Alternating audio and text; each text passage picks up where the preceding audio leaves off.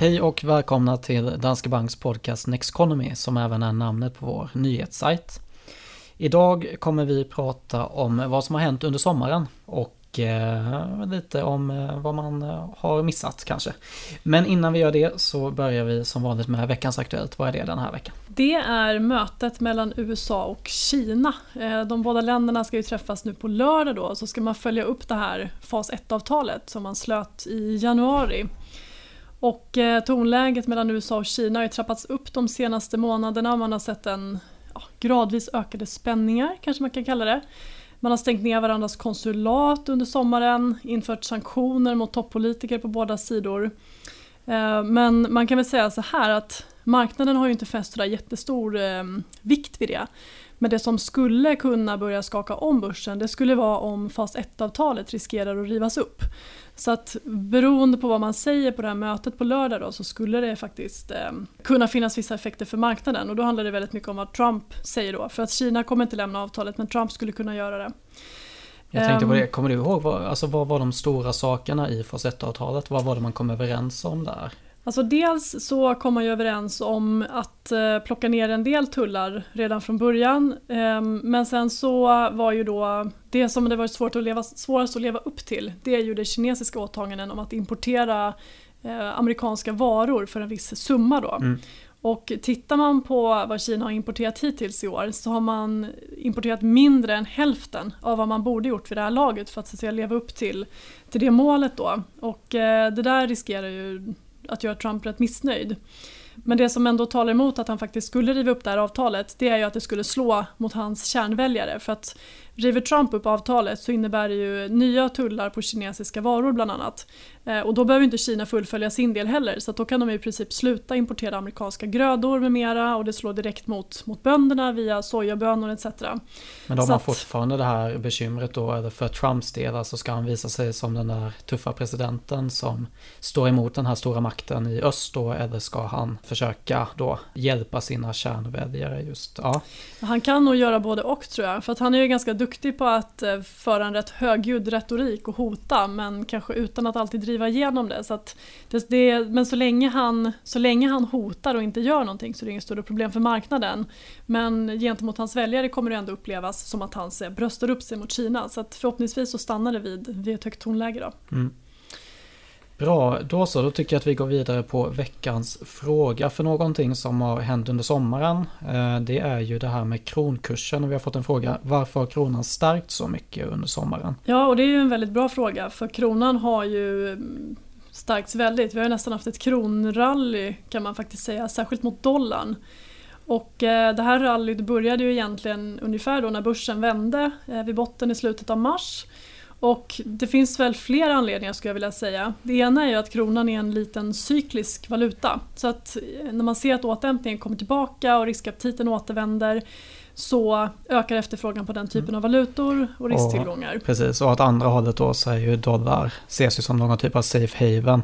Ja. Så jag menar i en, någon typ av global recession så brukar den ju stärkas för det är många som flyr från risk och då springer man till dollarn istället. Ja. Och det kunde man ju se väldigt tydligt i mars där också. Exakt, det såg man tydligt i mars. Så vi kom ju från en punkt där dollarn stod högt också ska man eh, komma ihåg då.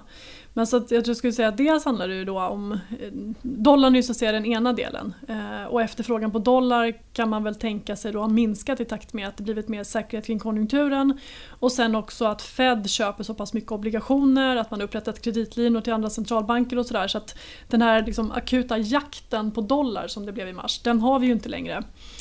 Eh, och sen eh, riskaptit, eh, efterfrågan på risktillgångar som sagt. Men sen har vi ju då den tredje faktorn och det är ju Riksbankens ovilja att sänka räntan. Så att medan andra centralbanker gått mot en, en mjukare penningpolitik och speciellt i USA där man sänkt räntan rätt kraftigt så har ju inte Riksbanken gjort det. Och man var tydlig även på mötet i början av eh, juli med att minusränta är ingenting som man önskar få tillbaka och man har inte särskilt mycket fokus för tillfället på inflationsmålet utan inflationen är låg på grund av en pandemi och det kommer inte hjälpa om räntan blir minus 0,25.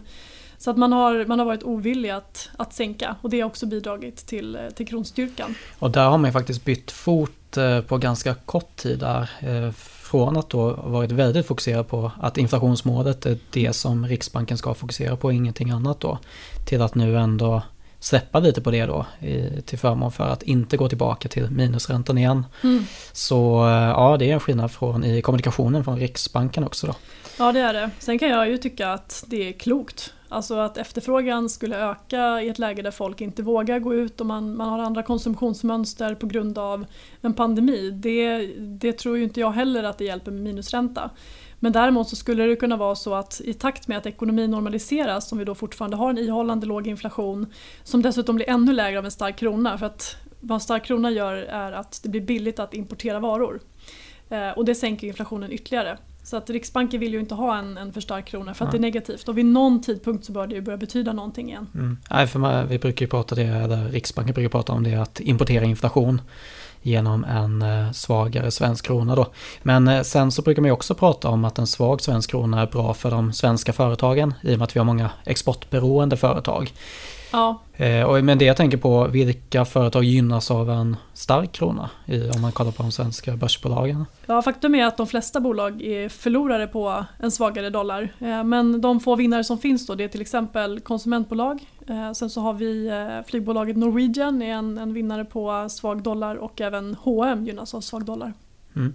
Och sen så får det lite effekter då på våra investeringar. För det har vi pratat om tidigare att under 2019 så fick vi ju draghjälp då när vi investerade i utländska tillgångar så fick vi ju en extra skjuts av att kronan försvagades under 2019. Mm. Men nu så går det ju åt andra hållet då så vi får inte samma avkastning i SEK som vi hade fått i dollar då till exempel på en USA-fond. Exakt, och då med tanke på hur mycket kronan faktiskt stärkts mot dollarn, det handlar om 20% ungefär, åtminstone om man tittar sen toppen, så har ju det minskat värdet på en USA-fond med 20% också. Sen så har ju fonden gått upp därför att amerikanska börsen gått starkt men det blir en, en, negativ effekt. Men det man kan tänka på det är ju faktiskt att kronan har ju fallit mot dollarn under flera år så att kronan har varit i en lång utförslöpa. Så att sett över ett lite längre perspektiv så har vi fortfarande en positiv effekt på vårt sparande. Sen kan man ju också tänka då att om man har ett pågående sparande i en amerikansk fond eh, eller om man investerar intresserad av att investera mer i amerikanska aktier eller fonder så blir det ju faktiskt lite billigare. Därför att du kan köpa lite mer när din krona blir mer värd. Mm. Så att man, får, man försöker se det positivt och tänka mm. att valutarörelser över tid tenderar att jämna ut sig. Det går i cykler. Precis, och det är ju återigen det fina med månadssparande då. Att mm. du köper både när kurserna är lägre och högre och när i det här fallet då, om du har en valutaexponering så köper du. För det är väldigt svårt att förutspå vart valutan är på väg. Mm. Men bra, då, det var veckans fråga. Fortsätt gärna ställa frågor antingen i avsnittsbeskrivningen här i poddavsnittet eller då på Twitter till oss. Om vi går vidare på dagens ämne så är det ju egentligen att sammanfatta sommarbörsen lite. Och någonting som fortfarande är aktuellt såklart är covid-19. Mm. Och något som har hänt där är ju att eh, vi har kommit närmare ett vaccin får man väl säga. För det, numera är det sex stycken vaccin som finns i fas 3 då. Och det innebär alltså att sannolikheten för att vi ska få ett vaccin under 2021 har ju ökat ganska mycket den senaste tiden. Och, eh, men sen så tar det ju lite tid innan det här ska distribueras också, så jag menar, det är fortfarande en bit bort.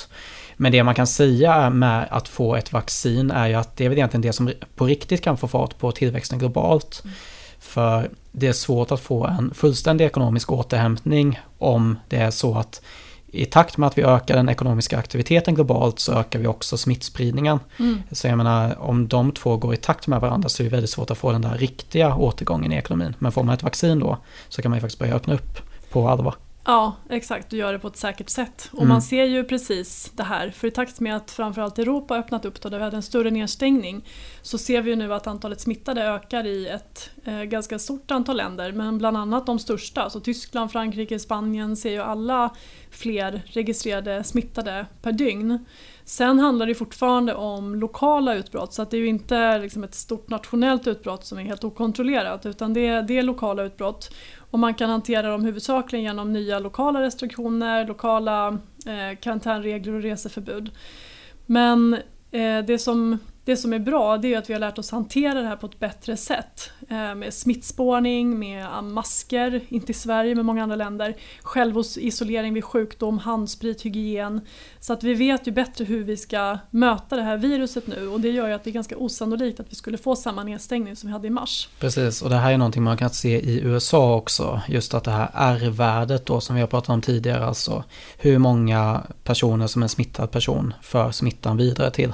Det här värdet har då gått ner under sommaren och det har gjort det utan några större restriktioner. Alltså bara genom de här mindre ingreppen som att man måste använda munskydd till exempel och att man begränsar antalet som får vistas tillsammans vid ett event har ändå gjort att man har sett att det här R-värdet har sjunkit. Och jag menar om vi då kan få en återhämtning, återhämtningen i USA har ju redan varit ganska stark. Och jag menar kan det här då, kan vi fortsätta att eh, dra upp den ekonomiska aktiviteten och ändå inte behöva göra några större restriktioner för att få ner den här R-värdet så är det ju väldigt positivt för ekonomin då. Och eh, så länge allting går i positiv riktning där så är det ju klart bra för börserna globalt också. Ja det är det. Eh, och det man kan säga då det är väl att någon slags slutsats blir att det är osannolikt att vi får en sån stor nedstängning som gör att vi får något eh, liksom globalt eller nationellt tvärstopp igen. Men ju fler sådana här lokala utbrott vi får i väntan på vaccinet desto större blir ju risken ändå att återhämtningen tar lite längre tid. Och risken finns också att det kan tynga sentimentet till viss del, både bland företag och privatpersoner. Och man ser att vi är inte av med det här och man, man kanske måste in i karantän igen och man drabbas av de här lokala utbrotten. Så det, det kan ju göra att återhämtning tar längre tid. Mm. Så precis som du säger så är det ju avgörande att vi så småningom får fram ett vaccin, att man börjar distribuera det, man kan vaccinera riskgrupper till att börja med. Eh, men sen att man vaccinerar större delar av befolkningen. Mm. Och när vi ändå är inne på det med återhämtningen så kan vi gå in lite på konjunkturen och där har vi fått PMI-siffror som pekar i rätt riktning även om det är från då ja, jag menar det har kommit in bättre siffror än tidigare. Men om man tänker på att man ska svara då på om man ser mer positivt på framtiden eller inte. Ja men då är det ganska naturligt att man ser mer positivt på framtiden nu än vad man gjorde i mars när det var total panik i hela världen. Ja då var det totalt becksvart. Ja, men exakt. Och man kan ju se globalt att um, PMI, alltså inköpschefsindex då, både för tjänstesektorn och för industrin har klättrat uppåt. Både i USA och Europa så är det nu över 50-strecket då som är gränsen för när vi befinner oss i tillväxt eller när vi befinner oss i ett läge där ekonomin krymper. Så vi är tillbaka i tillväxtterritorium. Eh, men det betyder ju inte att vi är tillbaka ekonomiskt där vi var före krisen. När man tittar på PMI så frågar man ju hur är läget nu jämfört med hur det var för en månad sedan. Och då om det var nattsvart för en månad sedan eh, så är det klart att det krävs ganska lite för att det ska studsa upp rätt rejält, de här sentimentindikatorerna. Så att man får tolka den där eh, med viss försiktighet. Men det positiva är ju ändå att det har vänt upp snabbt. Vi har en bra start på den här återhämtningen eh, och förhoppningsvis så ska det inte hända någonting dramatiskt som omkullkastar den bilden. Mm. Och om vi kollar lite på arbetsmarknaden och kanske framförallt på den amerikanska arbetsmarknaden då så fick vi ändå bra siffror från jobbrapporten förra veckan. Ja. Det, det, var alltså prognosen inför den rapporten var alltså differensen mellan högsta och lägsta var på någon typ av rekordnivå. Ja, det är extremt stort spann eh, när man tittar på förväntningarna inför eh, hur, hur mycket arbetslösheten ska sjunka och hur många nya som ska ha eh, kommit tillbaka i arbete. Då. Exakt, jag tror att det var mi mellan minus 600 000 upp till plus 3,2 miljoner ja. nya då och eh, dessutom på 1,8 miljoner. Ja, och det brukar, ju, det brukar ju vara lättare kanske att förutse hur arbetsmarknaden ska utvecklas men vi är ju i ett sånt, alltså fortfarande eh, osäkert läge och svårbedömt. Så att eh, man ser ju på de här förväntningarna att det, det är helt enkelt fortfarande väldigt svårbedömt. Men eh, makrodata har ju stärkts. Arbetslösheten sjönk i USA förra veckan. Och den amerikanska arbetsmarknaden ser man ju väldigt snabbt vad som händer på. Därför att där försöker man inte bevara folk i arbete som man har gjort i Europa och även för svensk del. Utan där, där avskedar man folk när man inte behöver dem. Men å andra sidan då så är det lättare att anställa och ta tillbaka folk. Um, så för amerikansk del så, får vi väldigt dramatiska rörelser. Men även där så har det ju eh, helt klart gått åt, eh, åt rätt håll. Mm. Och det är ju inte bara amerikansk arbetsmarknadsstatistik som har blivit bättre utan mycket makrostatistik har kommit in bättre än väntat. Ja. Um, och det är ju ganska vanligt då i vändningar i konjunkturen. När man kommer från en, en lågkonjunktur så är ofta analytikerna för negativa ända tills återhämtningen är ett faktum och den här gången har det gått så himla fort. Så att, att estimaten är för låga är ju lite grann ett symptom på det läget då. Mm. Eh, men man mäter ju det här med ett överraskningsindex. Eh, och då tittar man på hur kommer makrodata in jämfört med förväntningar. Eh, och det där överraskningsindexet då, när det stiger så kommer makrodata in bättre och när det sjunker så kommer den in sämre. Och faktum är att överraskningsindex har aldrig tidigare varit på en så hög nivå. Så att kraften över i återhämtningen har överraskat. Mm. Och det för oss in på rapportsäsongen också, för där kan man ju se ett ja, samma typ av samband. Eh, och, eh, för jag menar, och det är väl samma sak med då, eh, de som ska analysera hur det går i ekonomin.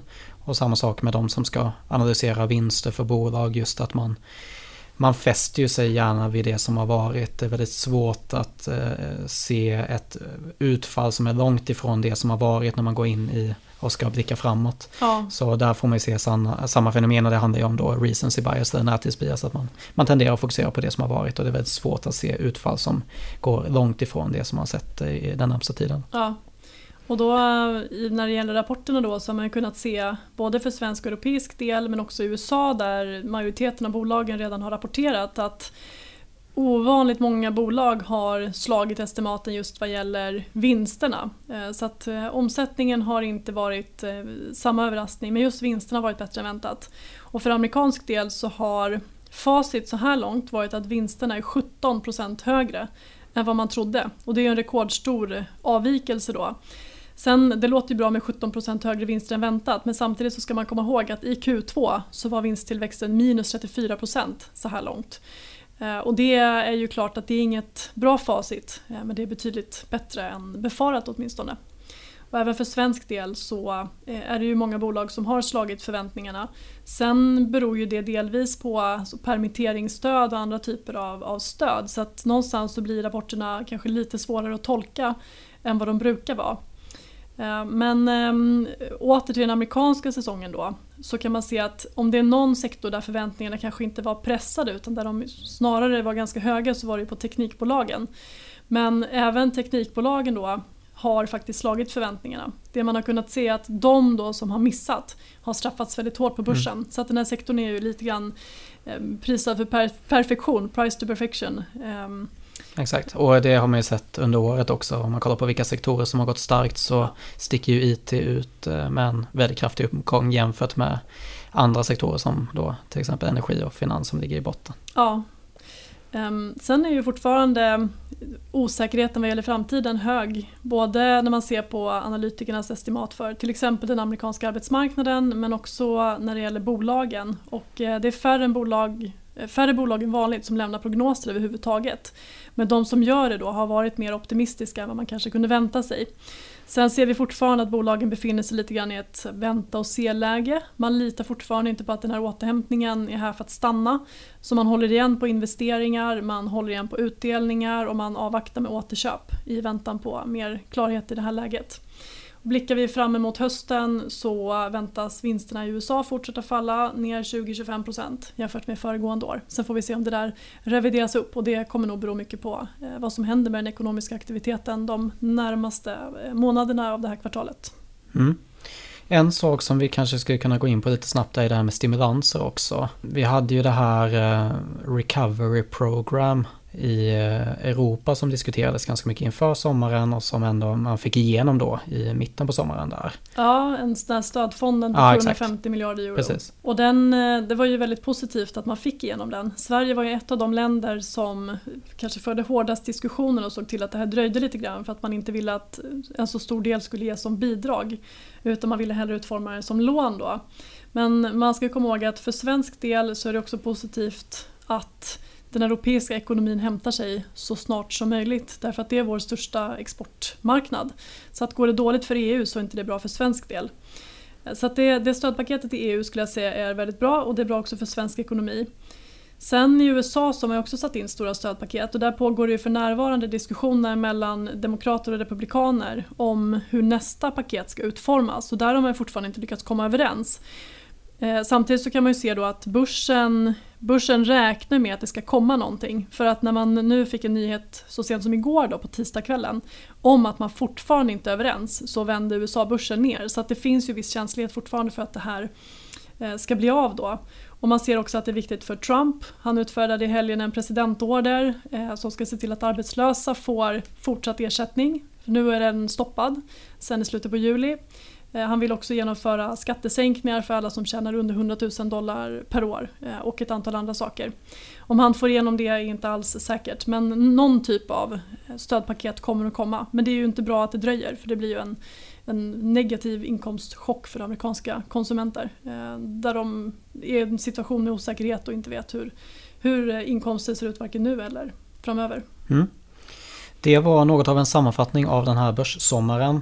Eh, då tänker jag att vi ska gå vidare och prata om veckans studie. Spännande. Ja, och den heter ju då Do Stocks Outperform Treasury Bills. Det är en studie från 2018. Och det här är en studie då där man har jämfört avkastningen för alla noterade bolag i USA under perioden 1926 till 2016. Med, man alltså jämfört det med avkastningen på en amerikansk statsskuldväxel. Och det som det visar sig, det här var alltså 25 300 bolag totalt. Och då visar det sig att topp fem av de här bolagen, det är alltså ExxonMobil, Apple, Microsoft, eh, GE och IBM. De har stått för 10% av överavkastningen mot en eh, amerikansk statsskuldväxel. Och sen topp 90 har stått för 50%. Alltså topp 90 bolag av de här 25 000 har stått för 50% av överavkastningen. Och sen topp 1100, det är alltså 4% av de här 25 000 bolagen som har stått för 100% av överavkastningen. Vilket då innebär att de resterande 96% av bolagen genererade en avkastning i nivå med en amerikansk statsskuldväxel mm. Eh, som, eh, som snitt då över de här bolagen. Och eh, det man kan säga om det här är ju att eh, man brukar ju prata om att högre risk i form av att investera i aktier jämfört med statspapper kommer också ge en högre avkastning. Men det antagandet det gör man ju utifrån att man kollar på väldiversifierade portföljer. Hade man bara tagit eh, som de här då 96% av bolagen så stämmer det ju faktiskt inte. Utan det handlar ju verkligen om att du får med de här bolagen som som står för den stora delen av avkastningen. Och då finns det ju två alternativ här. Antingen så försöker man hitta de här riktiga vinnarna som kommer bidra med en stor del av avkastningen. Eller så diversifierar man sin portfölj. Och på så sätt får man med de här i, eh, i portföljen genom att investera i allt i princip. Då.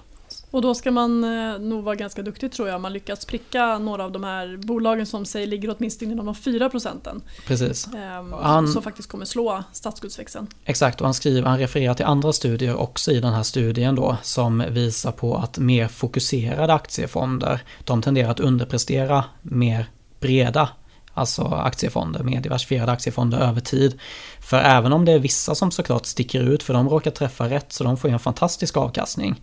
Men sen är det så pass många då som missar de där viktiga bolagen att ha i portföljen. Man kan tänka sig att en, en väldiversifierad portfölj i botten som består av en global exponering mm. med globala fonder är jättebra och sen så kan man ju förstås i mån av intresse och tid också toppa portföljen med enskilda bolag som man tror på. Men man kanske inte ska lägga en alltför stor andel av sitt sparande på det då egentligen.